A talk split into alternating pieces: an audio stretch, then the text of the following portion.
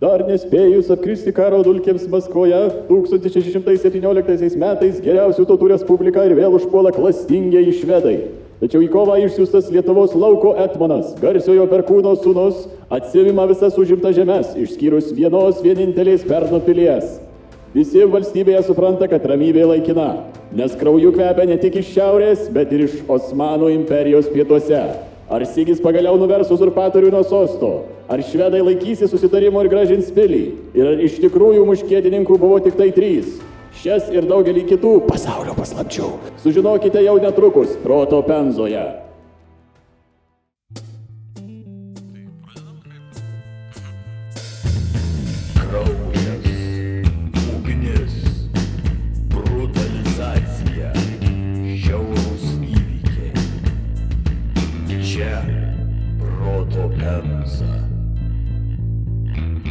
Sveiki, įsijungę podcastą Proto Pemza.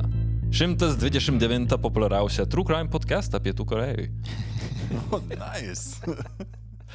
Iš erdvios pralaužk vieną šaltą studijos Vilniuje, 8 km nuo artimiausios Punsko gatvės sveikinasi intelekto kalavėjų išdidžiai mojuojantis ugniaspalvio žirgo vairuotojas Aivaras.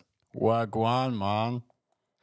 Atidžiai žvelgiantis in proto svarstyklės juodo žirgo jojikas Povilas. Ola.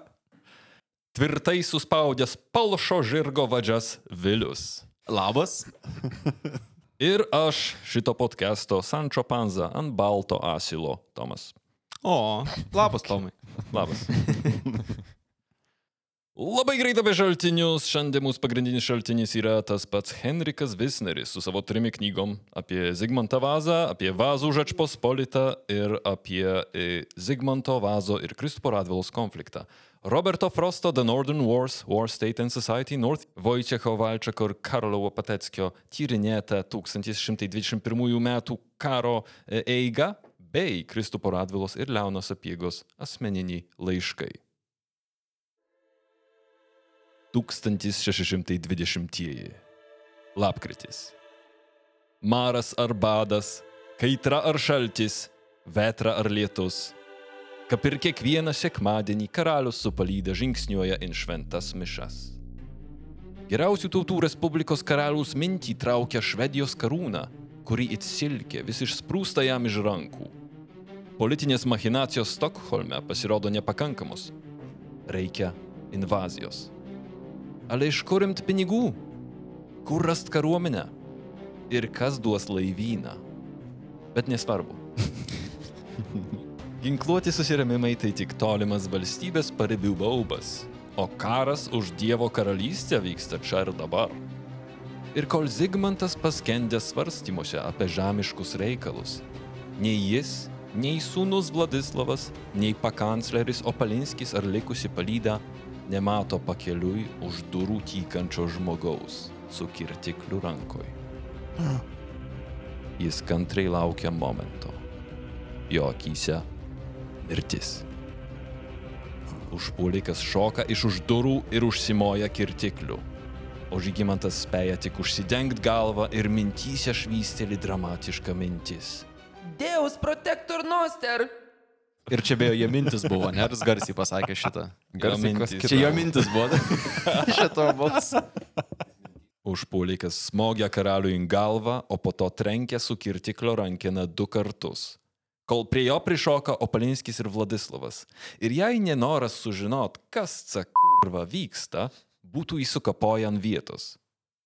Zigmantui eilinį kartą pasifuksina. Fiziniai sužalojimai minimalūs, subrozytas skruostas ir lengvas peties apdaužimas. Tomui sakyk, kol kapojo karalių, e, tie du žmonės buvo visą laiką šalia, ne? Tai Jo. Jie la- praleido du smūgius, kad, nu, draug, jeigu... Nu, reik gal pais, gal pais. Reikia pažiūrėti, kas bus, žinai. Jo, Rods galėtum uh, įsikišti į šitą procesą. O Bet... ką tas dabar ten su tuo kirtikliu darys? Gal užmuš? Bet jie dar svarbiausia dviese laukia, ne? Tai gal vienas norėjo gelbėti, o kitas tai taip pat. Pa- Pala, dar nebaigiu. Baigia rūkyti. Išmeta paperosą. Nu gerai, galim paimti. Teroristas perduodamas teismui, kuris tučtojau imasi išplėstinių tardymo metodų. O kas buvo teroristas šiuo atveju? Spėčiau, vienas iš Sigio mylužių. Vyro mylužių. Mm. Ne? Kačinskio pirmtakai? Pats Kačinskis. Jis iš tikrųjų nukeliavo laiku atgal. Taip, taip. Nustatyta, kad užpuolikas tai smulkus didikas Mykolas Piekarskis. Jo motyvas yra kerštas. Už ką jis kerštavo karaliui? Karaliaus nuosprendžiu Piekarskis privalėjo būti prižiūrimas šeimos už tai, kad Piekarskį šiandien pavadytum psichiškai nesveiku. Už tai, kad jį paskelbė neveiksniu, jis nusprendė, aš jam parodysiu, kiek Jo. aš neveiksnus esu. Taip, taip. A, Bet tai smulkus bajoras, kuriam pasisuka biškai smegenys į tą pusę, ne? Jo. Bet įvertina. Už jo ekscesus su kirtikliu teismas nubaudė istorijos vadovėlių vertą mirties bausmę. Pirma, pasodino jį nuogą ant vežimėlio ir surišo. greitas patikslimas, kai sakai ant vežimėlio. Aha. Ką turi e, omeny, ar tai yra kaip mak Maksimos vežimėlis? Tas elektrinis skuteris.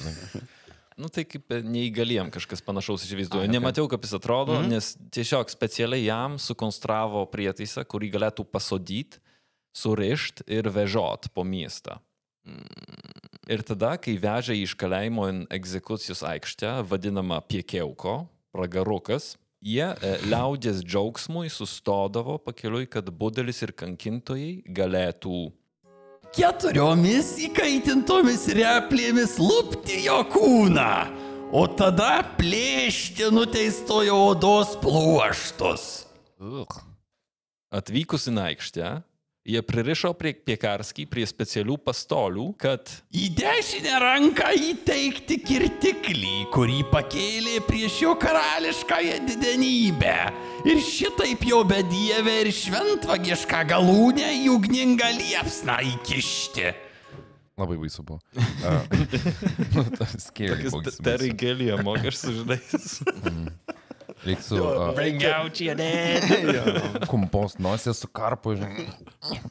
O galiausiai Keturiais arkliais kūną į keturias dalis suplėšyti, o bjaurius lavono gabalus ant laužo sudeginti. Pabaigai pelenus į patranką sukrauti ir iššauti į orą. Eik, tai tikrai su ferverkais. Taip gavosi gerai. Jau tas laužas ir ta patranka, man atrodo, jau um, Mykolui nelabai buvo svarbu, bet... Jo, paskutiniuose dviejose programos dalys jis nebelabai dalyvavo. Čia jau buvo jo. Čia už tik žiūrovom. Čia tik vardan spektaklio viskas buvo palikta. Are you not entertained? Nepaisant viso planavimo, į neįvyko taip per, kaip e, per sviestą.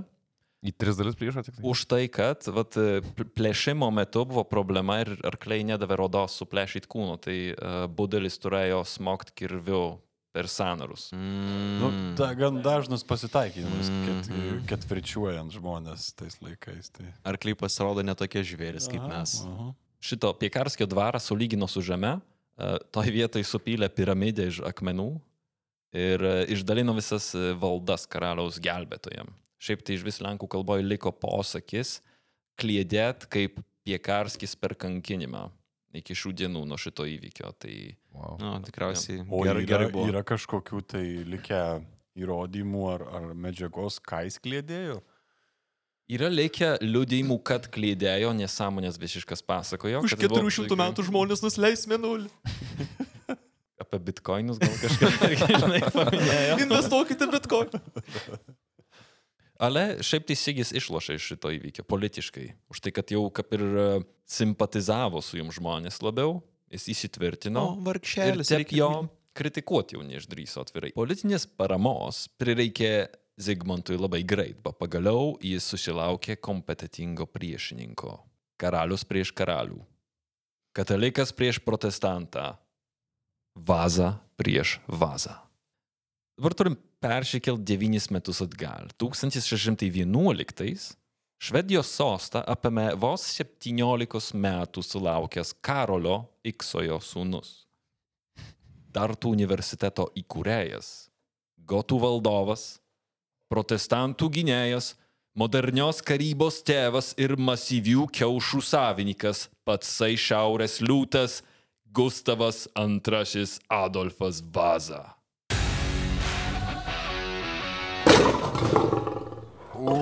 Ir tarp kitko, vokiečiai jį vadino net ne šiaurės liūtų, o vidurnakčio liūtų. Tai jeigu vokietis pavadina taip, tai tu žinai, kad bičiui karo laukia buvo kaip lovoj arba lovoj kaip karo laukia. Žinai, kad čia nesu kokiu minkštakiaušiu turi reikalą. O apšvieskit neišslavinusi, kas jis toks? Ta prasme, Vienintelis karalius Švedijos istorijoje gavęs titulą Didysis.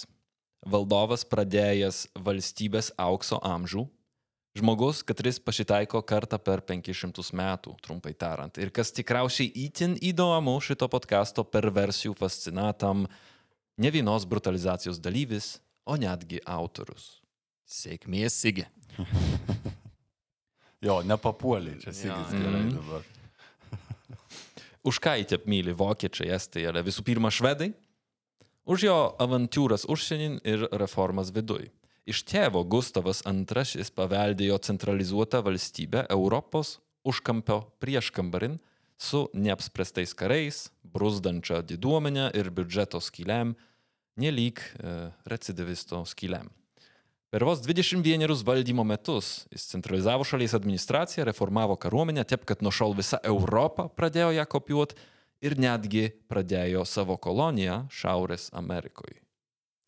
Kitaip sakant, kaip Sigis žaidė su pilvotais dėdėm prie griliaus, Gustavas žaidė NBA. Mhm. O kaip čia vienas iš tų tokių didžiųjų istorijos vyrų taip išeita, ne? Jo. Kur pakeičia tiekmę viso žemyno, ar gal net pasaulio, kaip pagalvojai. O- Nice.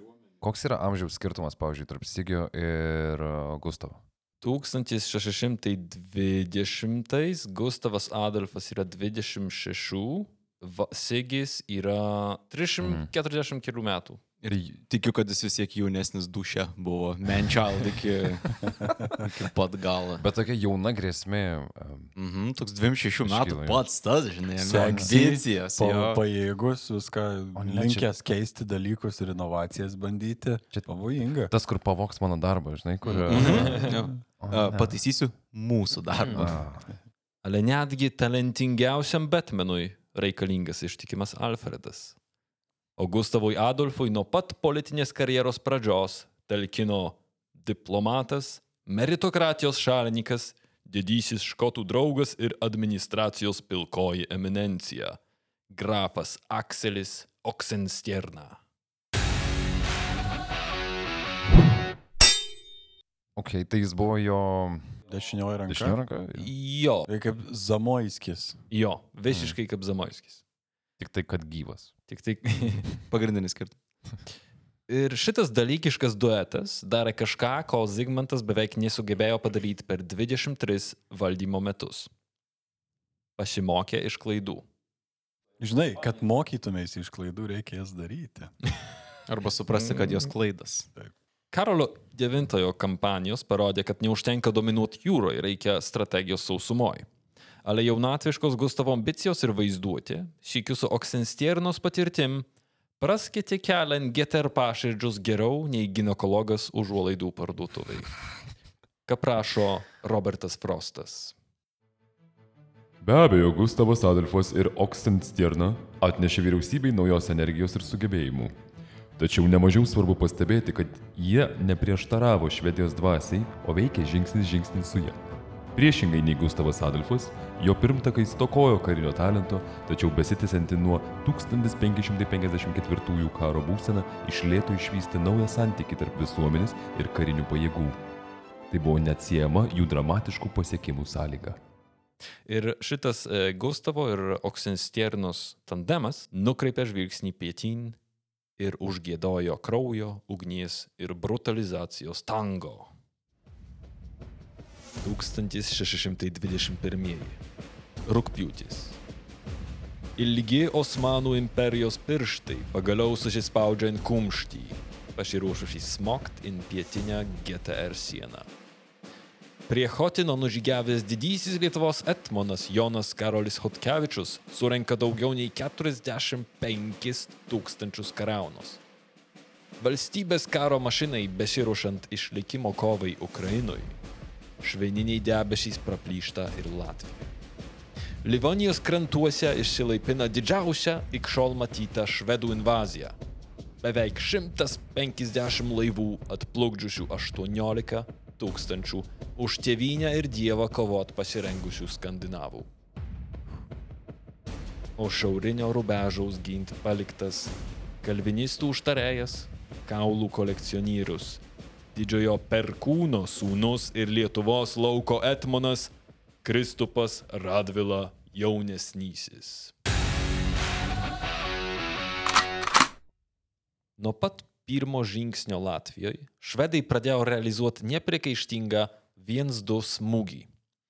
Iš Šilaipinė jie nužygiavo nestabdomi link Rygos. Kariuomenė užsėmė visas patogiausias pozicijas, tuo tarpu inžinieriai ėmė kastis po miesto fortifikacijom ir statyti dengtus tiltus užpuolimui. Apginkluoti laivai blokavo, o skaitlingi šnipai šnipė.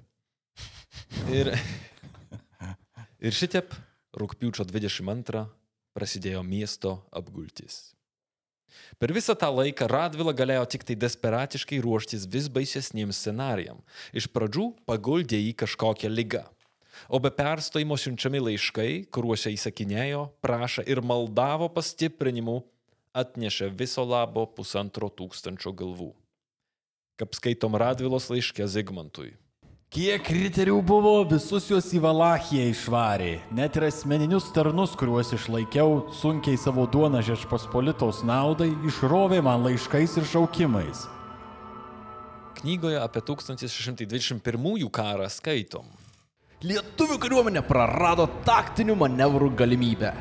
Problemų kėlė Radvila apėmęs bejėgiškumas, tačiau didžiausią dramą sukūrė patyrusių ir ambicingų karvedžių, galinčių savarankiškai vadovauti mažesniems daliniams trūkumas. Tai Radvila neturi nei žmonių, nei e, vadovų. Negali net siūsti mažų dalinių, kad e, nervuotų švedus pakeliui. Nu jo. Visas dėmesys, visa kariuomenė yra iššurpta ir išsiųsta į pietus į Ukrainą. Tai dviejų frontų karas, kitaip tariant, vyksta ir dėl to neturi karių. Okay. Taip. Bet tas antras frontas taip ant snarglių. Ir turbūt suprantu. lova jau paklota iš anksto yra, kad, kad, kad šalis yra tokioje būklėje, kur, kur negali net norėdamas turbūt mobilizuoti žmonių ar bandyti juos mobilizuoti kažkaip, nes visi žiūri savo šiknos ir mm. savo interesų galiausiai. O pinigų Kaip nėra. lenkiškai skamba šiaip. Negalėjęs laukti ilgiau, vis dar kiek lygotas, rugsėjo 8 Kristupas Radvila išėjo į Rygą su 900 karaunos. Nepaisant Etmono pastangų ištraukti priešus į atvirą kovą, švedai nepasidavė provokacijom, nepaliko apkasų nei fortifikacijų ir tęsė apgultį. Kaip sako liaudės išmintis, kas duobės kasa, tas duonos neprašo. Rugsėjo 25 Ryga pasidavė. Valstybė sukresta. Kaip skaitom Radvilos laiškė Zigmantui. Yra ko gailėtis, tačiau nėra ko stebėtis, kad praėjusį sekmadienį Ryga perėjo į priešo rankas. Rygos fiasko kelia mums didžiulę grėsmę, o ne prieteliui kelia širdį ir suteikia jėgų. Taip dabar gali prieš mus stoti, tarsi pas jį atvykę šviežios paėgos ir nauja galybė, nes ten jis darbais, badu ir lygom nualintus žmonės atgaivins. Ten patrankų, įrangos, parako, medžiagų ir žirgų įgaus. Ten didžiulius pinigus ir turtus suvežtus Livonijos ir Kuršos šlėktos į Rygą pasiims ir iš ten į Lietuvą žygiuos. Klausimas man, čia vyksta karas vienoje pusėje, kitoje pusėje. Ką mūsų epizodo pavadinimas e, Žygimantas veikia šiuo, šiuo visų metu, ta prasme, valstybė dega iš dviejų pusių. Kas vyksta, ta prasme, ka, kas Varšuvai? Repeticijos. Repeti... Kuo vadis? Žygimantas e, jis prioritetizuoja, jis sako, kad pietuošė svarbiau. Daryk tą, ką Hotkevičius darė, jis sako Radvilai. Radvilas sako, nu tai duok iš ko. O Jisai, ne, ne, ne. Nesupratai, daryk kaip Hotkevičius darė. Ok, tai nieko nedarė realiai. Jis ne, nebuvo statesmanas tuo metu, kuris ieškojo būdų, kaip čia tą dviejų frontų situaciją reikėtų iš tuti fruti pakeisti tokią, kur gal laimėkim ką nors. Ne, nebuvo. Ale iš kitos pusės Varšuvai, nu tai čia jau kiek ten, keturios, penkios invazijos buvo iki šiol per 20 metų, visą laiką atsiimam atgal viską, nu tai ką... A, Kad- kas, nu? labai geras valstybės galvos požiūris. Prasme, labai, labai. Susitvarkys kažką. Jo, jo, jo, okay. Okay. Švedai nesiruošė sustoti. Porą dienų po Rygos žlugo Daugavgryvos tvirtovė. O tada Gustavas nukreipė žvilgsnį į Žiemgalos sostinę Mintaują. Šiandien vadinasi Jelgava. Radvila užtikrino Kuršos kunigaikštį Friedrichą Ketlerį, kad atvyksta su pagalba. Ale vos tik Gustavui pasirodžius prie miesto Mintauja pasidavė, nei šovus, nei vienos kulkos. Šitiep žlugo dar viena Daugavos perėja. Iki biržų Radvilų tėviškės ir svarbiausios pilies jau tik 80 km. 1622. Sausis. Lietuvos lauko Etmono viltys eilinį kartą išgeso, kaip apetitas morgia, sužinojus, kad karo Turkijoje laimėtojai, drąsūs Hotkevičiaus bendražygiai, netvyks jam in pagalbą. Užuot keliaut šiaurėn prieš švedus, jie susiorganizavo konfederaciją, kad išreikalaut iš karaliaus atlyginimą. Jam. Ką pagalvotų Velionys Hotkevičius? Nors Radvilo po savim turėjo ne visai 3000 galvų, toli gražu nepakankamai, jis pradėjo mintaujos apgultį. Mūšio laukas buvo ribotas. Rytuose upė, vakaruose miškas. Šiauriai ir pietuose irgi po upę. Tiek lietuviai, tiek švedai vos atvykę ėmė energingai kast. Karam... Kasimo čempionatas toks, žiūri vieni į kitus ir... Jie bet ilgai nežiūri, nes vis leidžiasi, leidžiasi, leidžiasi į apačią. Ką Radvila galvojo apie Mintaujos apgultį? Kaip skaitom jo laiške Leonui Sapiegai.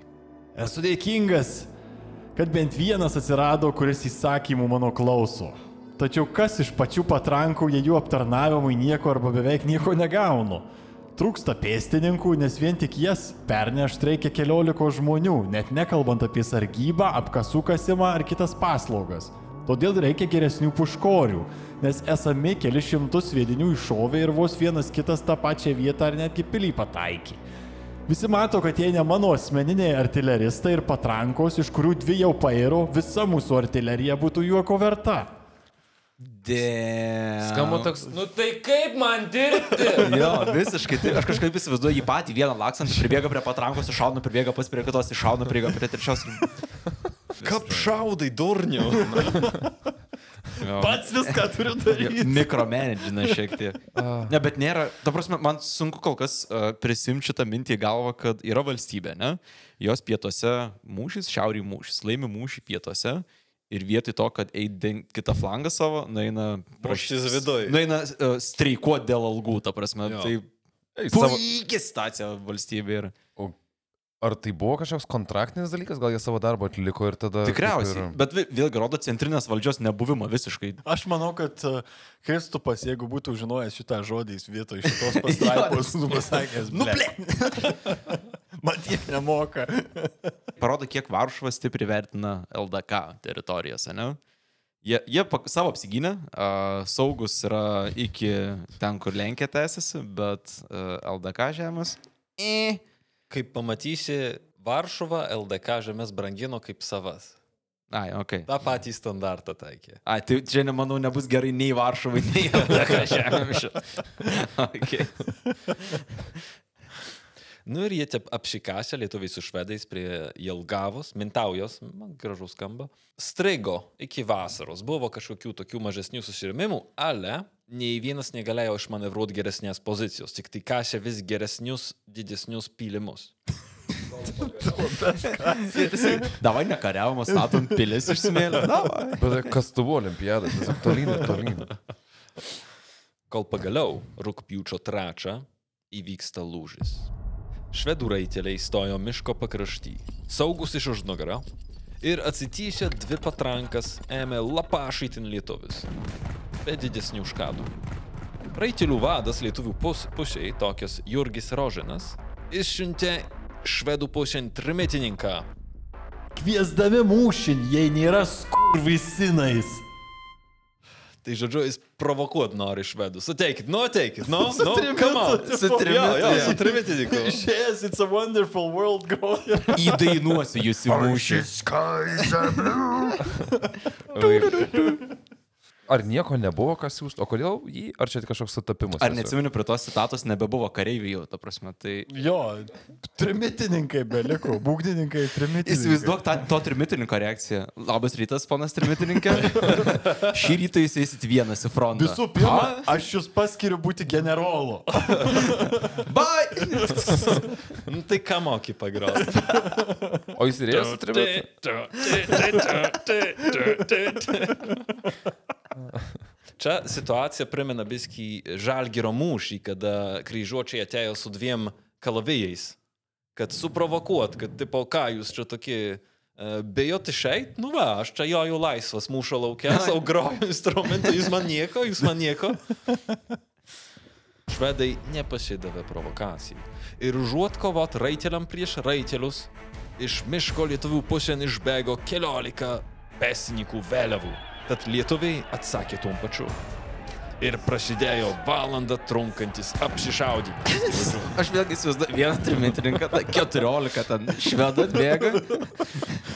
Viena vėliava tai buvo apie 60 žmonių. Trimitas. Arba kaip tik suintensyvėjo. O negalvoja lietuviai, kaip atsakymą irgi trimitininką atsiųsti. Tai čia švedai būtų atsiuntę. švedai tai yra, atsiprašau, kad švedai irgi trimitininką atsiųsti. Žinai, švedai turėjo labai gerus vargonininkus. O, o žinia labai sunku išsiųsti į mūšio lauką. Vargonus. Aš reikia, reikia ieškoti vežimo arklio, žinai. Bažnyčią statyti ant uh, judančių pamatų, nu, žinai. Vat matomai e, lietuviai nebuvo girdėję apie škotus, tai todėl siuntai trimitininką galėjo išsiųsti šiknos rodyti pradėti. Tada man būtų, atrodo, švedai susivilioja. Matai, škotai buvo švedų pusėn. Pas švedus kovojo A, šiaip škotai, okei. nes. Oksenstierna kalbėjo škotų kalba, tarp kitko. Nes ten stažavosi ar kažką, kažkas panašaus ir iš ten ir tai jo, tada- karių. Būtų labai įdomus mūšis, jeigu lietuvių trimitininkui būtų atsiųstas škotų tas dūdmišininkas, žinai, va, čia tai mūšis būtų garsų. Sušokėjo.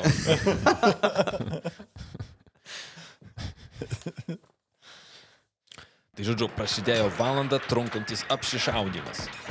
Ir netoli, ant netoli esančio kalnuko dalis lietuvių neišlaikė spaudimo uh, ir pabėgo. Galvau, sakysi, Trimitas yra tiuma. pradėjo dainuoti. Pokit aš dainuoju. Galbūt per daug.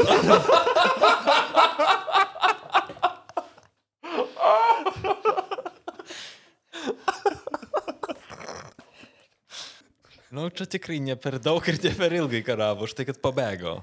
O švedai pamatė, kad lietuviai pabėgo ir didino spaudimą. Pašuntė daugiau pesininkų ir pa švedus buvo jau apie 2000 žmonių.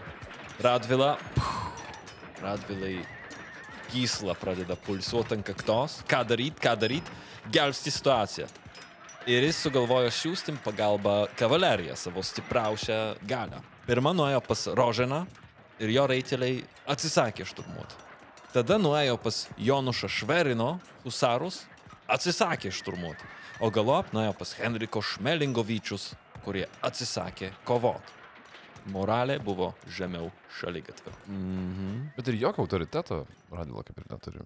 Turi, bet e, esmė tokia, kad jis norėjo siūsti 2-300 raitelių prieš 2000. Nu, čia tokia savižudžių misija, ne? Ir... Ale, kryžė neapėmė visų. Buvo pora vėliavų husarų, kurios, kurios pritarė Etmonui, bet ta, kad jos buvo užsiėmusios saugot kairį sparną nuo priešo kavalerijos. Tai reikėjo jos greitai pakeisti. Kol ir lietuviai rokiravosi, švedai išnaudojo akimirką ir užėmė kalnuką ir ten esančias patrankas. Ale tada husarai pasiruošė ir išlėkė į mūšio lauką, ką prašė Radvila. Nors vieta jiem nepalanki, husarai tiesiai į priešo centrą puolė ir didžiulių škadų jiems pridarė. Ale tuom pačiu jie atsidūrė pinklėse. Prasimušę už priešo linijos ir likę be pastiprinimų, husarai negalėjo sugrįžti. Švedai, matydami, kas vyksta, apsupo lietuvių kavaleriją ir apsodino pėstininkais ką tik užimtus pylimus. Be kelio atgal, husaram liko tik viena išeitis. Irmi. Šarža tiesiai in ugnim ir dūmais alsuojančią priešo liniją. Su riksmu jie puolė pirmin, kapojo, kirto ir daužė. kol prasiverus erdvė leido žirgam insibėgėt. Jie šoko pilnu greičiu ir išsivadavo iš apsupties. Stebėtinai, šitoje akcijoje husarų žuvo tik tai du. O, koks zapodlo jiem. O viso šitam sušeremime lietuvių pušiai žuvo apie 30, sužeistų apie 50. Švedų pušiai žuvusių šešis šyk daugiau. Kas laimėjo mūšį? Draugystė. Gera muzika. Priklauso ko paklaust. Už tai, kad švedai užėmė kalnuką su blokhauzu ir pabūklais, tuom pačiu priartėjo prie Mintaujos, ale tai kainavo jam daug žmonių. O lietuviai išlaikė miestą savo rankose ir neišsilakstė, nepaisant tikrai žemos moralės. Aš tik labai greit. Papildomos informacijos šitam epizodui kaip niekada daug. Tai jei domina mūšiai, švedijos kolonializmas ar genialios reformos, kviečiam į Patreoną. Šitas podcastas išsilaiko tik dėka klausytojų, tokių kaip tu. Jei ne šerai, laikai ir subscribai, tai net, net škada šnekėt. Jei išgirdai klaidų arba šiaip niešti pirštai, komentuok Facebook'e, Instagram'e, YouTube arba rašyk tiesiai mumiem ant protopemza.gmail.com. Dėkui. 1622. Rūpiučio 10. Gustavo įgaliotas Jakobas Delegardy ir niekino neįgaliotas Kristupas Radvila pasirašo Mintaujos paliaubas. Radvila jau. Ja, ja. Jo, Radvila išjautė, kad jau geriau nebus. Jo, kad jau managemento čia aprūvalo jau ne- negaus niekaip laiku. Geriau prašyti atleidimo negu sutikimo. jo. Jo, ta situacija. Jie apsikeičia belaisviais ir susitarė, kad švedai išlaiko užimtas žemės. O Radvila, tikriausiai garsiai grieždamas dantimis, mintauja gražina savininkui, kuršos ir žiemgalos kunigaikščiui Friedrichui Ketlerui. Karalius Zigmantas žinia apie paliaubas prieėmė prastai. Mes apie šią transakciją nieko nežinojome, todėl jos sankcionuoti negalime. Jau susigyvenai su personažu jausmas. Leidai jam kalbėti per method tave. acting. Mhm. Taip. Žygimantas apkaltino Radvilą neištikimybę ir nenorėjo klausyti jokių aiškinimų. Kristupas tada kreipėsi pas savo švogerį, didįjį kanclerį Leoną Sapiegą, kad anas padėtų užglostyti santykius su Sigiu ir išprašyti didžiojo Etmono titulą. Kaip skaitom Leono laiške Kristupui. Jo karališkoji didenybė nenori leistis į kalbas apie jūs. Jo manimu, e, nenorit nieko nuveikti kovojant su neprieceliu, nors ir turėtumėte didžiausią kariuomenę. Mat jo didenybė teigia, kad Etmanas Velionis Hatkevičius niekad neturėjo tokios didelės kariuomenės kaip jūs dabar. Sigio pyktis siekė toli, bet jis nesuteikė Radvilai Lietuvos didžiojo Etmono titulo. Dar geriau, jis apskritai nieko neskyrė šitom pareigom ir Lietuva tiesiog neturėjo aukščiausiojo karinių pajėgų vado iki pat 1625. O kam reikia? Mhm. Bet čia karo metu šitai įvyko. Ar jau Taip, yra... karo Bet, metu. Nu, nekompetencijos tai yra. Jo. Tu prasme, su kibiru ir darbiški. Užtektų ir didesniem valstybėms sužlugdyti, ta prasme, šitokią... Prasme, wow. Oh, fuck me. Kodėl mes negalėjom Gustavo gauti? Aha. Bet ko, ta prasme, bet ko. Evil genius kokio nors. Arba, nežinau, bičio, kuris leidžia kompetitingai valdyti kitiem kažkaip. Varšuvai paskutiniai pusantrų metų atrodė baisiai matyta. Ale Lietuvos lauko Etmonas suprato, kad šitum šyk situacija kitokia. Švedų kariuomenė reformuota, karininkai patyrę, Gustavas Adolfas žino, ką daro, o biudžeto deficitas GTR vis gilesnis. Todė 1624 m. Varšuvos Seime jis atvyko su aiškiu tikslu - įsąmonyti susirinkusiems grėsmę. Ir Seimo nariam Etmonas rėžė kalbą - diskursą apie karo inflantuose pakilimą. Ne nuo mūsų valios priklauso pritarti šiam karui ar ne. Priešo gopšumu išrautas ir išdraskytas Respublikos provincijas tik tai su gėda ir gailėščiu pro tarpu stebėsim, o prieš ateities invazijas bejėgiai liksim. Nei triumfo ambicija, nei kraujo troškimas, bet mūsų karališkos didenybės ir respublikos kreuda varo mus prie ginklų ir širdis mūsų teisingam kerštui aštrina. Dievui leidus trijų metų bėgyje galim laimėti šį karą, ar bent jau žorę taiką dėrėtis. Kristupas pateikė konkrečių siūlymų, ką daryti. Radvila rekomendavo kovoti su Gustavu jo paties ginklais, kovoti pesininkais, artilerija iš apkasų ir tvirtovių. Ale GTR tapo savo pačios sėkmės auka. Bas spektakuliarūs Hotkevičiaus, Perkūno ir kitų karvedžių triumfai intvirtino nuomonę, kad nereikia lygių skaičių mūšio laukia, kad nereikia tvirtovių, kad kavalerija yra vaistai nuo visko. O, kaip blogai. Ne, tai vis tiek tris kartus mažiau turėdami mhm. karių susitvarkėm, tai ką dabar čia? O kam čia stengtis? Ne tai, kad išlygintum skaitinės pajėgas vienodai ir turėtum užtikrintą pergalę, bet, eh, mat jį bala bus jo, gerai. Jo. Pritryniai laimingą bilietėlį ir tada perki antrą, nes taigi laimėjau jau vieną. Tai kodėl aš nelaimėsiu? Nu. Pratrini vieną laimingą bilietėlį, tada metei darbą, nes vis tiek laimėsiu kitą mėnesį dar vieną, va, tokią logiką kažkur. Kaip skaitom pas Visnerį? Didikai pražiopsojo akimirką, kai tiek pat skaitlingas priešas nustojo mums nusileisti kokybę. Nepastebėjo, kad 17 amžiaus Žečpospolitui gyvavo du atskiri karo teatrai. Pirmame - pietryčiuose - kovota prieš Turkiją ir totorius. Antrame - šiaurės rytuose - kovota prieš Švediją. Tačiau jie to nematė, tik mechaniškai lygino laimėjimus, vadus, o priešų skaičius nurašinėjo. Bet čia arogancija ar, ar, ar kas, aš nesuprantu. Ar reikalingumas jo, ar resursų trūkumas toks didelis, kad jo. tu tiesiog jau turi versi su tokiais, nu, su tuo, ką turi realiai. Tai kaip man dirbti? Labai skirtingi e, veiksniai ir daug. Atsimykit, ankstesniam epizodė Sigis turėjo didelių bėdų dėl pilietinio karo. Ir jis norėjo sustiprinti savo valdžią, kad galėtų įvesti reformas, už tai, kad jis irgi nebuvo toks absoliučiai durnas, kad nematytų, kad reikia pokyčių, bet negali, jam neduoda. Didikai užsispyrė ir jiems svarbiau yra auksinė laisvė. Man kažkaip labai skamba kaip toks uh, atėjęs momentas tikriausiai GTR jau gyvavimo laikotarpį, kai nebėra tų į priekį mąstančių arba tą big picture paveikslą matančių uh, žmonių, kurie, arba tų, kurie gebėtų kažkaip pajungti valstybės aparatą reikalingiam pokyčiam, nes akivaizdžiai susiduri su kažkuo nematytų ir nebe, nebegali prisitaikyti prie situacijos. Ta prasme, ateina švedai, kurie yra išsitreniravę, pasiruošę. Modernizavęsi be proto. Bet vėlgi neatsakai klausimą, kodėl bent skaičių neišlyginus, ar tokia žopa yra jau tuo, tuo metu.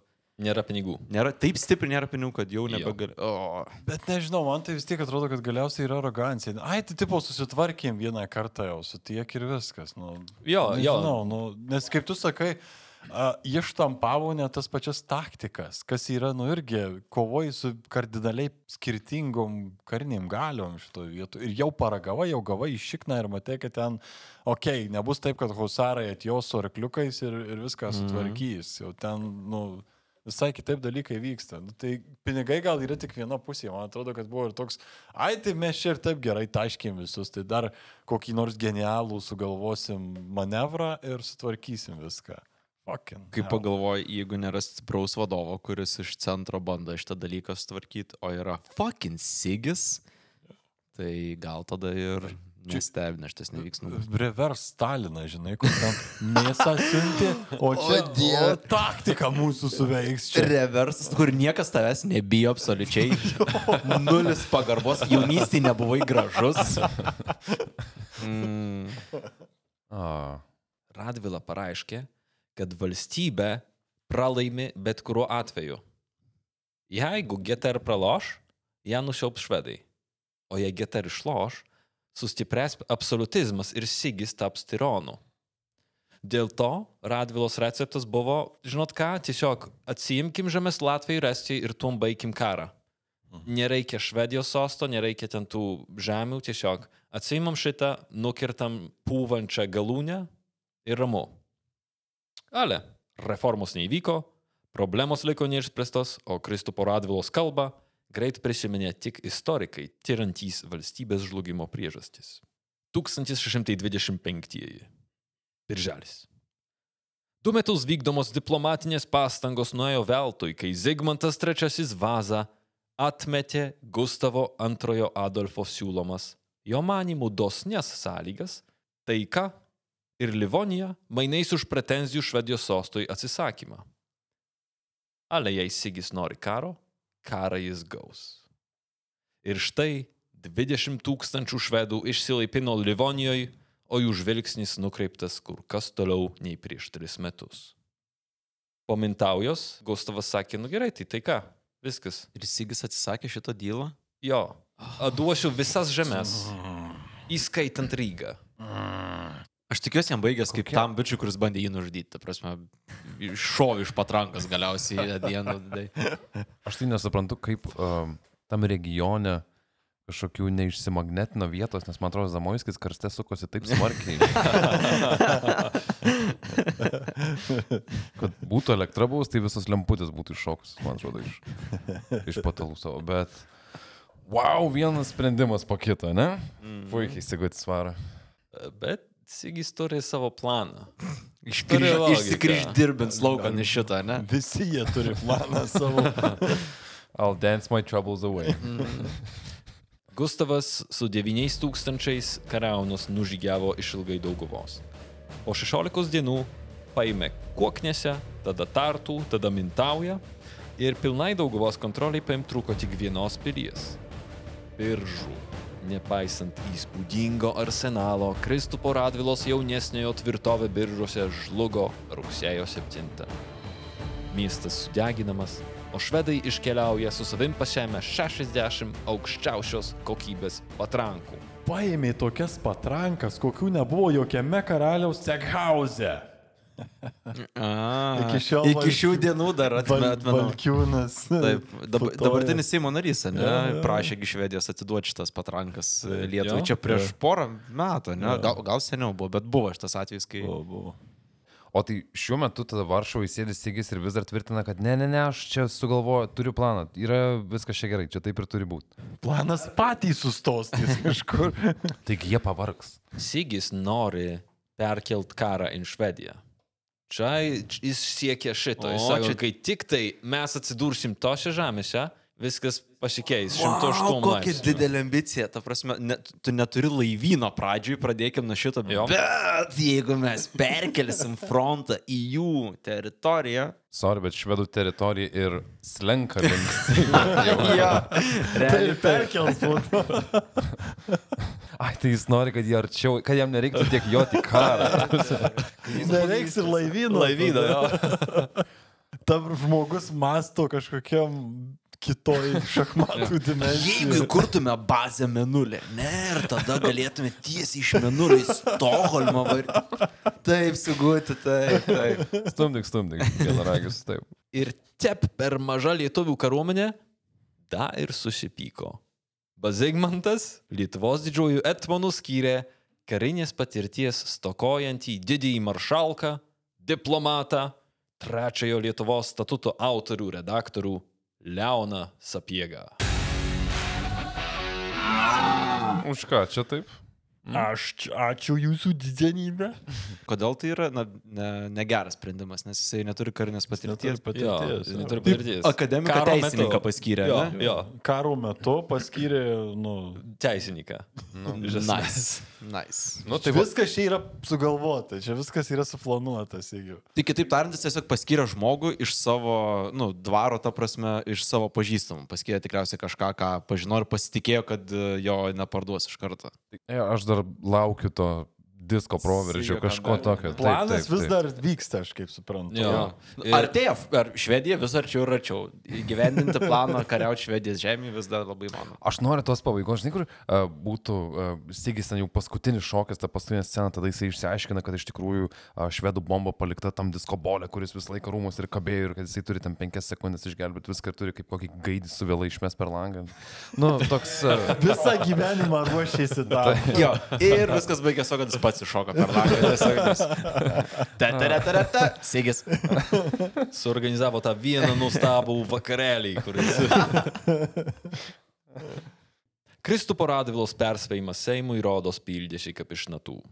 Neturėdami jokių galimybių laimėti karo, lietuviai pasirašė paliaubas. 1626. Liepa. Vos spėjęs pasirašyti paliaubą su LDK, Gustavas Adolfas užpuola Lenkijos karaliaus vasalą - karališkąją Prūsiją. 14 tūkstantinės kariuomenės prieš akį jis įvykdo vieną įspūdingiausių šito karo žygių. Užėmęs Pilevą, vartus tarp Baltijos jūros ir Aistmarų, per 20 dienų jis nugali 16 miestų. Tarp jų Elbingą, Ornetą ir tik dvi dienas besigynusią buvusią kryžiuočių sostinę Malborką. Ant bangos taip visai, ne? Čia, čia mūsų šiuo metu, tai yra ATR šiuo metu palengta taip gerai per, per stalą. Ranka palaužta. Jo, ranka palaužta, apatinį šiek tiek į apačią paleisti. Okay. Švedai užima ir apsistato fortifikacijom Varmai ir Mozūrijoje. Ir pagaliau išaušo Lenkijos laikas. Gustavo strateginis tikslas - visos valstybės prekybinė arterija ir turtingiausias miestas - Gdanskas. Tik greitas miestiečių mąstymas ir kruopštus pasiruošimas išgelbėjo Gdanską nuo Pilevos likimo. Užtvindę žemės prie miesto visos vandenim, jie laimėjo šiek tiek laiko. Ale kapitulacija buvo tik laiko klausimas. Sigis susidūrė su sudėtingais klausimais. Ar permest kariuomenę iš Ukrainos ir rizikuot, kad valstybė užplūs totoriai? Ar iš pakeltų mokesčių burt naują kariuomenę? Ar apmokėti skolas šiandien? Ar tęst pro Habsburgišką politiką rizikuojant dar vienu rokošu? Bėdas užsienį pildė ir nesantaika viduje. Mat opozicija, susibūrus aplink Kristų paradvilą, atsisakė finansiškai paremti Žygimantą. Ale to negana. Didikai pradėjo rimtai planuoti karaliaus nuvertimą. Žinai, kaip vis tai atrodo, kur uh, švitėjime, atsimenat, kai kraujas per koridorių, mm. tai čia šūdai. Mhm. Nu taip, nu, ir tu vis tiek. Man šiaip ta- tas faktas, kai sakai, kad buvo planuojamas jų karalius perversmas, kai karo metu planuojamas perversmas jau tikrai žopa yra. Bet Sigio planas, kaip mes žinom, vyksta puikiai, ne? Frontas vis arčiau yra. Jau- jau tuoj, jau tuoj, Kai jau- jau. Gdanską perims, tada realiai jūrų mūšis su Švedija yra įmanomas, ne? Jų teritorija. Užtvindytose ganyklose. Jo, jo. O įdomus, Sigis liko toks optimistas, ar jisai matė realistiškai, kad visais frontais šūdai byra? Ne, ne, ne, jis turi planą, jis turi planą. Jis turi jis tai planą. Okay, okay. Okay. Kaip atrodytų mūsų valstybė, jeigu jį būtų nuvertę, mes nesužinosim už tai, kad karaliui šnipai pranešė apie konspiraciją. Todėl Sigis savo laiške senatoriam pareiškė, kad apie viską žino. Neįvardijo konkretaus Kristupo Radvilos, ale to užteko, kad atbaidyti užpolikus. O Kristupas tiesiog jam nieko daugiau neliko, tik pasitraukti iš viešo gyvenimo keliam metam. Ir šitaip apramyti nuotaikas dvara ir Seime. Aš matau, kaip Sigis iki Jėgelavičiūtės tokio lygio nueina pasaikurti. Aš viską žinau gerai, aš suprantu. Duokit man laiko. Nei Turkija, nei Maskva pakol kas neširovė į karą. A, jo, rimtai čia šitie dar tylus. Nu, ką, davai. Nu, bet čia, ei, tai nėra Siga nuopelnas. Jam pasisekė dar, kad, nes čia galėjo labai taip, greitai Aš supakuoti. tiesiog dabar kit, kitomas tą pasakė, pagalvojo, kad dar, vat, Maskvai mets dabar šitą visą miksiuką. Prasideda kariuomenės mobilizavimas šiauriniam fronte.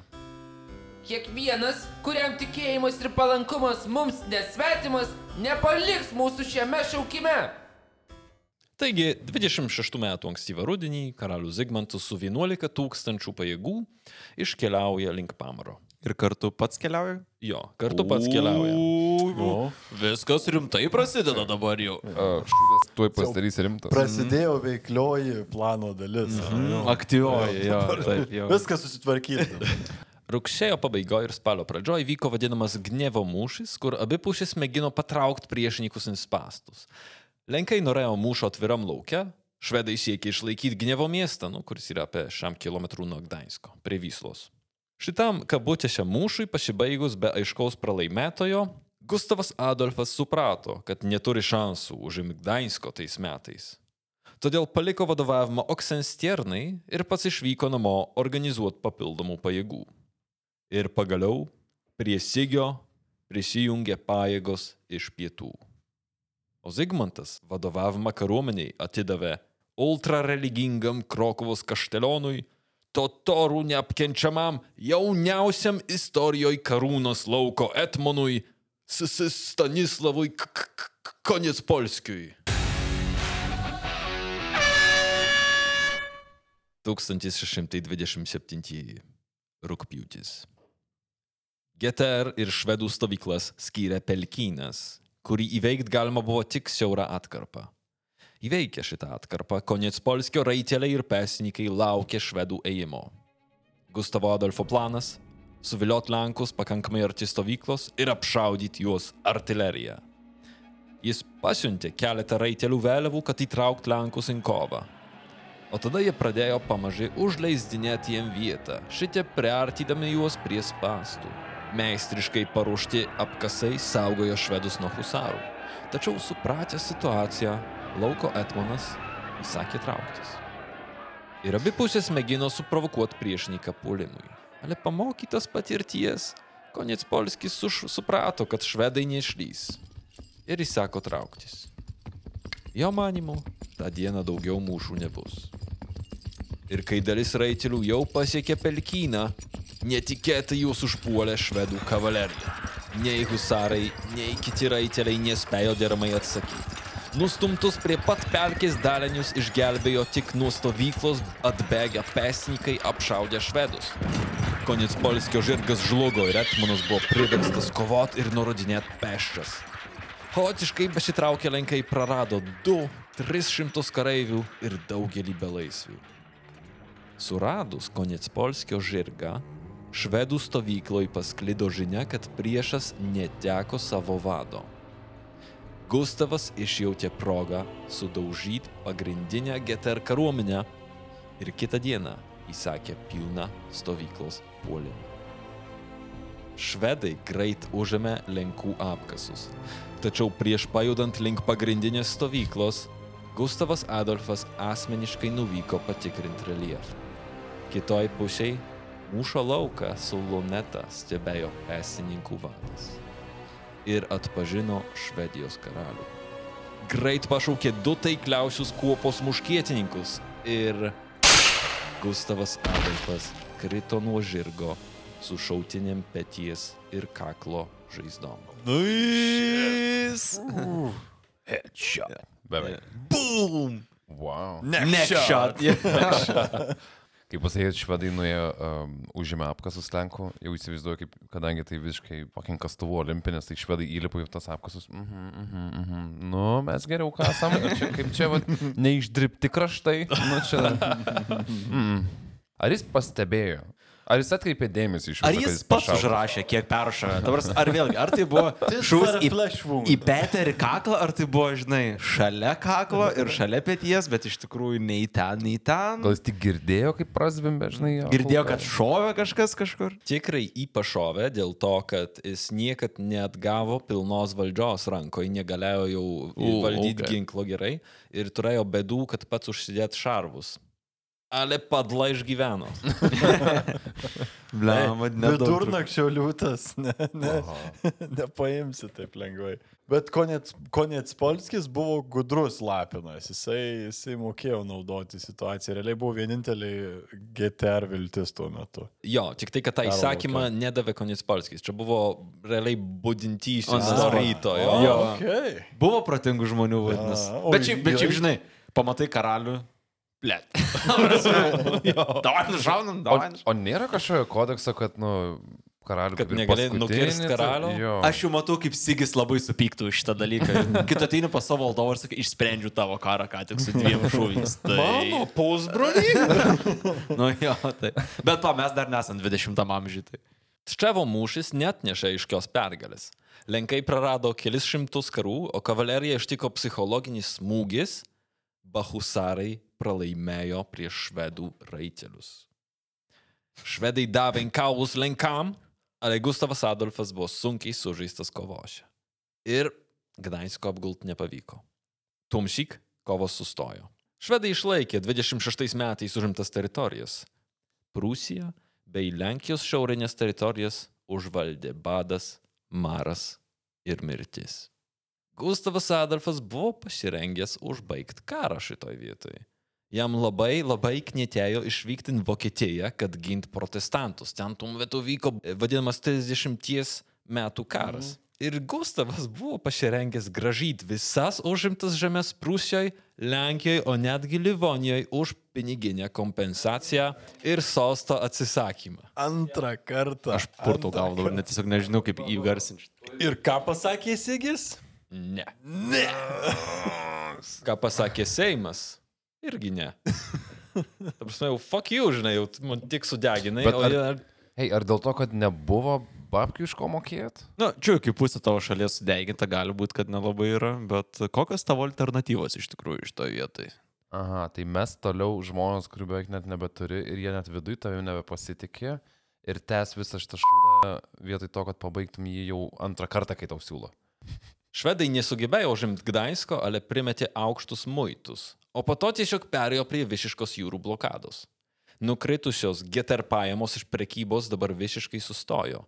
Javai buvo sandėliuose, o aukštas muitas ne tik užkelia importinių prekių kainas viduj valstybės, ale finansavo Gustavo kariuomenę.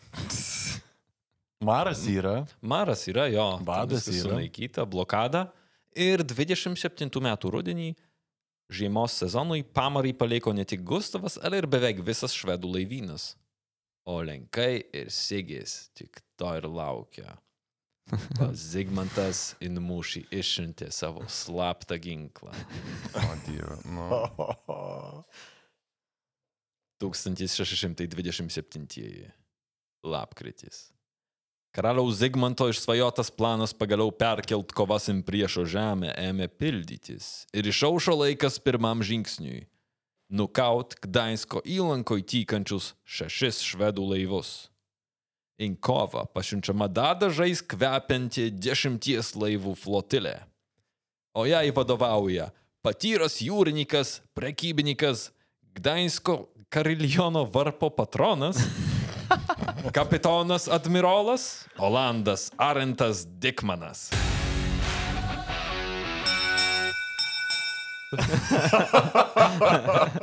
Admiral Dickman.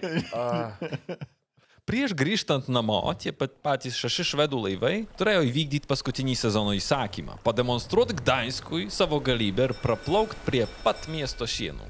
Čia tik pamojuot prieš visus. Mhm. Ale tarp bangų ošimo pasigirsta patranka. Užuot baimės ir pagarbos pilnų žvilgsnių, juos nuo vyslos pusės pasitinka anksčiau nematyti galeonai, fluitos ir peniasos. Švedų admiro, admirolas Nilsas Görensonas Stjernskoldas apstulbęs. Laisvoj formacijoje išdidžiai plaukiantys švedų laivai nepasiruošia polimui, o Dikmanas nešudmaliauja. Jis įsako pirmoji eiliai atakuoti švedų flagmaną - Galeoną Tigern. Vis tiek įsivaizduoju, visai turėtų būti švedai nustebę, kai tiek laiko tam pračilino ir iš kažkur Lenkai su dešimt laivuosi. Ką? Dikmanas mosikuoja. Kaip gaila, kad uh, Sigis negyveno tais laikais, kai uh, egzistavo Sailor Moon, pavyzdžiui, toks filmas. Mm. Atsimenat? O, būtų animės spalvomis, kas iš Jo, jo, jo, ir tokiais kaspinais tie laivai būtų iš... Um, Jūreiviai visi susijauna. Jo, jo. Blizgočiais išdėta, kad... nu, Pirma patrankų salvė nušluojo keletą švedų, bet tikrą devastaciją atnešė antras puolimas. Ant skandinavų pratrūko muškietų ir falkonetų šovinių lietus. Stjernskoldo nugarą ir kaklą praskrodžia kulkus. O tada iš Švento Jurgio paleistas patrankos sviedinys nurauna jam visą petį. Abordažo chaose Geter jūreiviam rūpi vienas vienintelis tikslas - kuo greičiau surasti raktą in parako saugyklą. Tigerndenį žlunga tiek švedų, tiek lenkų lavonai, ale skandinavų viltys ištirpsta, kai nelaisvę paimamas žmogus atsakingas už saugyklą. Švedų flagmanas atsiduria GTR rankose. Ale triumfą netikėtai nutraukia patrankų salvę. Nesupratęs situacijos, Lenkus apšaudo jų pačių laivas. ar tu jok?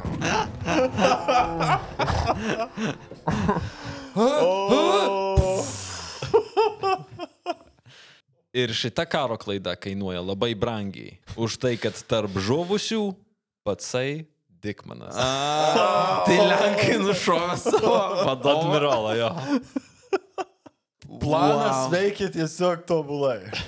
Nice. Ale mūšis dar nesibaigė. Jo, dar, mirs dar Lenko, nespėčiau. Prie Tiger priplaukė du švedų galeonai - Pelikanin ir Solen. Ir nors pirmojo maštą greit papuošė baltą vėliavą, viceadmiroliškas Solen puolė kietai ir aršiai. Apsišaudimas su dviem smulkesniais GTR laivais kainavo gyvybės abiem pusėm, tačiau niekas nenusileido. Abordažas irgi ne, nepavyko. Ale atvykus dar dviem GTR laivam, lenkų jūreiviai išvysta baltą vėliavą. Solin pasiduoda. Tačiau vietoj pakeltų rankų ant denio Lenkus pasitinka muškėtų salvės ir kardų žvangėjimas. Ant švedų galeono užverda aršikova. Lenkų flotilė siunčia vis daugiau žmonių, o švedų laivo kapitonas tik to ir laukia. Jis duoda paskutinį įsakymą. Ir vienas jūreivių išlėkė ant parako saugyklą su fakelu rankoje. Karai susivokia, kad nuo mirties skiria juos tik sekundės, paniškai bėga iš švedų laivo. Lenkų laivas paskutinį sekundę atsimuša nuo priešo ir Solen su baisiniu trukšmu pisa in orą. Sprogimas patraukė ant dugną 80 švedų ir 22 lenkų sielas. Saulė nusileidžia vidudienį. Likusiems švedų laivam to užteko. Jie traukėsi iš įlankos, o Geter flotiliai tokias laimėjimas irgi tinka. Mūšis paskelbtas laimėtų. Jis sutik failų, man atrodo, kad uh, Sigis ir turėjo sakyti, kad a, galėjo būti blogiau. Bet neskamba kaip tas į Švediją persikėlimas, žinai, kažkaip. Neskamba kaip didelė pergalė. Ne, aš grįžčiau į Varšuvą ir tipo, tai kaip sekėsi? Nieko. Jo, viskas normaliai, viskas gerai. Yra valgyt ką? Ne? Sigis jis paslapčia įsakė pastatyti laivus, kad permest kariuomenę į Skandinaviją. Jis taip pat ir tarėsi su ispanais, kad ispanai užtikrintų transportą kariuomenės. Nu ir jo mintyse čia buvo Labai changeris, viskas veiks, jo. Okay. Dešimt laivų. 10 plus tiek, kiek išsinuomos iš vokiečių, iš Habsburgų ir iš ispanų. Už tuos neegzistuojančius pinigus. Bet jis palauk, palauk, jis tu įtras, jis tu įtras, tik tai užims Švediją. jo. Mino metą kuliukus. Nu, na, dar biški, dar porą gerų kartų ir turėsim daugiau laivų. Okay. Didžiulė Sigio investicija atneša tik propagandinę naudą, bet nors susijungė vėliau su Habsburgų flotilė Vismara, tai tiep ir neišvyko į Skandinaviją. Už tai, kad Olandai nepraleido į Baltijos jūrą ispaniškų laivų, kurie turėjo saugot vazos kariuomenę. Čia viskas dėl to, kad Dikmaną užmušė, ne? Nu, ir turbūt įsileis savo uh, į... Nu taip, ispanus, ta prasme, jo, jo, taip. Nėra gera idėja. O ispanai uber katalikai, o Olandai Taip, visiškai prote- protestantai. Tai vėlgi parodo Sigio tolerigiškumą šitoje situacijoje, ta prasme, statant ispanų. Ok, ok, maldėts. Žino, ką daro. Mhm. Žino, ką daro. Ir Habsburgai atsiunčia kariuomenę 29 metais. Ale, Užimt Varšuvą. ale tie pastiprinimai mažiau įspūdingi nei e, tikėtasi. Vietoj riterių blizgančiais šarvais Lenkija pasiekė apsilupę, išvargę ir alkani valkatos. Maža to, pasipiktinimą kelia jų nedisciplinuotas elgesys, o netgi plėšikavimas, lyg būtų priešo žemėse. Visnerio citata. Imperatorius kariauna nekėlė didikų entuzijazmo. Varšuvoje senato posėdėje buvo netgi reikalauta visiško jų atsisakymo, kad neužimtų Prūsijos. Jie sakė, nuo seno imperija kelia pretenzijas Prūsijai. Kadangi austrų vokiečių pajėgos greit pasiekė 10 tūkstančių, švedai nekišo nosies iš užimtų tvirtovių ir tik tai gynėsi. Abi pusės visiškai išvargusios ir jautė, kad strigo pato situacijoje. Abi pusės pribrendo taikai. 1629. Versalis. kardinolas Richelieu ruošiasi diplomatiniai ofensyvai Europoje. Neramumais banguojanti Baltijos jūra kenkia prekybai, kenkia įsisiubavusiam Vokietijoje karui ir visų pirma kenkia Prancūzijos interesam. Tad raudonoji eminencija paspendė politinės pinklės, ribojančias Habsburgų, anglų ir ispanų ambicijas. Rišelie in Prūsiją išsiuntė diplomatą, kavaleristą ir grafą Hercule de Charnasse. Hercule užduotis užsimt mediaciją tarp Švedijos ir GTR. Pirma, išvyko į Konitspolskio stovyklą. Lauko Etmanas nustebo už tai, kad prancūzai nespėjo perspėti Lenkų apie savo vizitą. Etmanas prieimė diplomatą šaltai, net neduodamas jam žirgo. Ale pranešė Zigmantui, kad jis sutiko jo išklausyti. Tada prancūzas nuvyko pas Gustavą Adolfą, kad jis priėmė jį bagotai ir puošniai. Susitara susitikimui. Ale pirmas dėrybų raundas atnešė tiek pat naudos, kiek bananų fasavimas. Ale diplomatinis žaidimas tik tai prasidėjo. Už tai, kad išgirdę apie Rišelie ir Burbonų planus, savo diplomatinę misiją išsiunčia ir Anglai. Jai vadovavo Sir Thomas Rowe. Atkeliavęs, škotas išvarė tiesiai pas Zigmantą ir išsiuntė laišką Oksenstiernai su siūlymu medijuoti. Švedas pareiškė, kad vykdamas pirmą pas Lenkus, Rau įžaidė Gustavą Adolfą. Iš tikrųjų, švedai norėjo išstumti anglus iš mediatorių vaidmens už tai, kad jiem palankiau buvo prancūzai. Užtat Zigmantas pasveikino Rau, kaip svarbiausią didiką, jam atvykus išstatė tūkstančio raitelių garbės gvardiją ir suteikė jam netgi asmeninę karietą. Tūkstančiai raitelių, kur jie buvo, kaip biržus ginti reikėjo. What the hell? Ei, bet čia gal tokie tik parodiniai. Įdomu, kiek žmonių turėjo persikvalifikuoti į uh, raitelius. Mm. Bet kaip įdomi šiaip situacija, ne? Uh, prancūzas, kuris yra katalikas, sėdi pas protestantą. Eina pas švedus, jo, pas Aha, protestantą. O pas, pas lenkus katalikus atvažiuoja protestantų. Anglas, jo. Nelyg religija būtų išgalvota, ne? Ir neturėtų jokios įtakos re realybėje, ne? Hmm. Ir šiaip tai parodo, kad jau Europoje buvo tokis, nu, come on, susitarkit, jau čia mumi kenkia. Mes mumi pa pakilo kainos javų. Kaip lokalios problemos tampa vis tiek globaliom. Mm. Švedai spaudė, kad įrašytų aukštus muitus Gdainskui, ale Rau prieštaravo, sakydamas, kad tai kenkia rytų Indijos prekybos kompanijos interesam. Eksportui į Indiją kenkia, kad karaliaučius užblokuotas. Čia jau yra globalizacija prasidėjus. Jo globalistus užkniso, ta prasme, uh, šitas karas, okei. Okay. Ir po beveik du mėnesius vykusių dėrybų 29 metų rugsėjo 23 Švedija ir GTR pasirašo Altmarko paliaubas. Švedai gavo visus Prūsijos uostus, įskaitant Klaipedą, visas žemės in rytus nuo Dauguvos, įskaitant Rygą, ale Mintauja grįžo Ketlerui. Ir skaudžiausia dalis. Švedai gavo teisę imti 5,5 procento muitą iš visų Gdainsko laivų. 3,5 procento švedam, 1 procentas Gdainskui ir 1 procentas Lenkijos karaliui. O paliaubas užbaigė, nu, tokia komedijinė nata už tai, kad Dešarnase ir Rose susipyko dėl to, kad jis pirmas pasirašys dokumentą. Ir taramai tada prancūzas sušuko. Tu, nesiprosus škotišką valkatą. Čia niekam neužkliuvo už akių, kad šitų paliaubų sąlygos nėra žiauriai geras GTR, ta prasme. O nėra biškit šitą sąlygą iš kelinto smūgio suprastigis, kad jau reiktų paimti šitą, jau viskas. Gdansko miestas gauna tiek pat, kiek karalius. Taip. O karalius gauna 3,5 karto mažiau negu švedai. Taip. Nice. Ir visus uostus pragana. Double nice. Jo, ir, ir šiaip tai šitas 5,5 procento buvo tik ant popieriaus, realybėje buvo daug aukštesni muitai. Nu, tiesiog tvarka ir santarvė įsigalėjo. Taip, viskas pagal Sigio planą realiai. Gustavas Adolfas užsitikrino pastovės pajamas finansuoti karam. Už tai, kad jis nebaigė savo karjeros, jis nuvarė į Vokietiją toliau muštis. GTR liko su didžiuliam skolom ne tik tai dėl muitų, bet ir dėl to, kad turėjo sumokėti Austram už jų kariuomenę. Valka tu tą kariuomenę. Taip.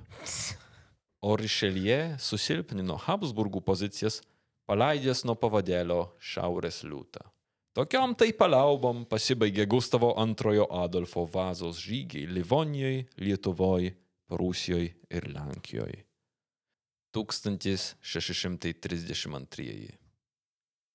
Nei sunkus gripos priepoliai, nei podagra, nei insultas neskaudino prie lovos prikaustyto karaliaus tiek, kiek prieš keletą mėnesių įvykus antros žmonos mirtis.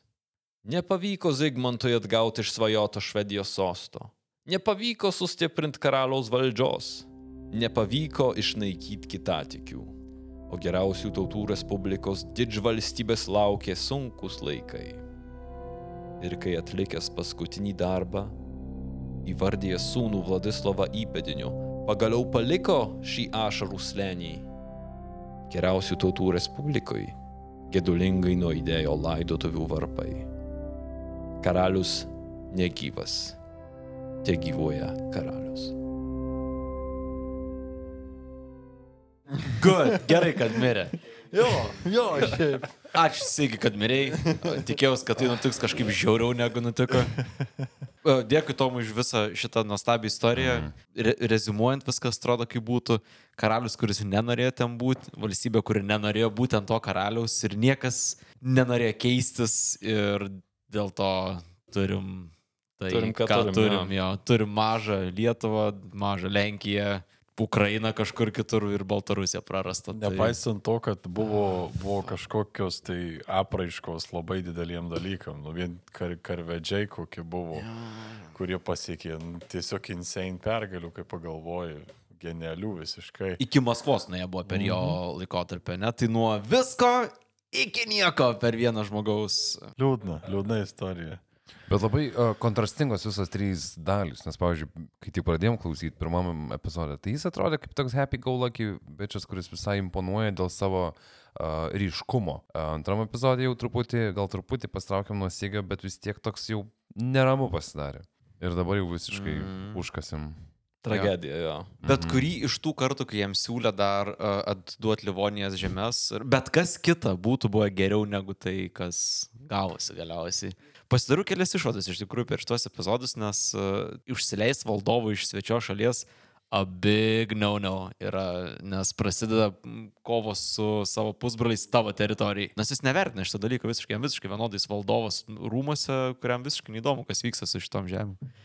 Karalius, kur man atrodo, kad aukščiausi standartai turėtų būti tokiem žmonėm, kad tu turi, atrodo, Yeah. turėtum uh, užsitarnauti tą vietą ir No. valdyti, o ne atvirkščiai, kad, nu, fuck, jau lau, nu, tipo, tu... Įsijungia Habsburgo dinastijos fotkę. Ei, nu. Žandikaulis. Jeigu tu nemokėsi atlikti savo darbo, tai gal tu jo ir nedaryk. Ir įdomu, kiek toli ir kiek plačiai nuėjo su pasirinkimais karaliaus, kaip ir svarbiausio žmogaus uh, visoje um, GTR. Labai suprantu tavo sentimentą, nes visą laiką vis tiek įsivaizduoju karalių kaip tokį gerbtiną figūrą, Taip. ne? Nu, ne, ne, nelabai. Ir Šiaip tai irgi turėkite omeny, kad mes šnekam vazą, vazą švedas, bet jis buvo ir jo gailaitis. Ai, nereik čia, O gerai. Čia nėra dar- tada daugiau gėdos kaip ir mum, o ne kad pasiekimas. Auninkim Mm. klaidas. savo. Jo, teisingai. Gaila, tai aš gal visiems patarsiu, dirbkite tą darbą, kuris jums ir tinka ir patinka.